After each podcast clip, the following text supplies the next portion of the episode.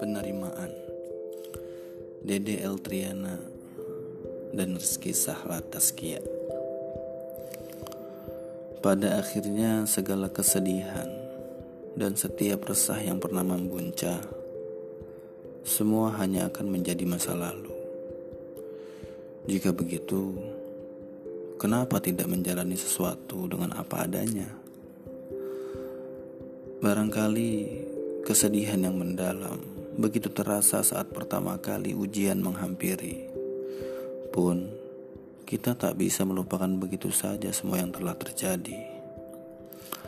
Ada kepingan-kepingan yang rasanya sulit sekali untuk ditata kembali. Menata perasaan seperti awal adanya. Ah, tapi mana bisa? Sedang pasti ada kepingan-kepingan yang rusak yang belum tentu bisa diperbaiki. Aku tahu itu. Memperbaiki perasaan yang hancur dalam sekejap. Bagaimana bisa?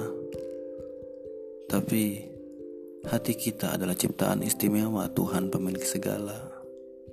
Di sana ada ruang di mana penerimaan akan segala yang terjadi penerimaan, untuk kemudian kita memahami bahwa kesedihan adalah niscaya.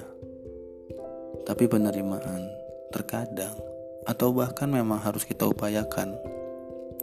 Selanjutnya, akan selalu ada nurani yang akan membantumu menuntun hidupmu selanjutnya.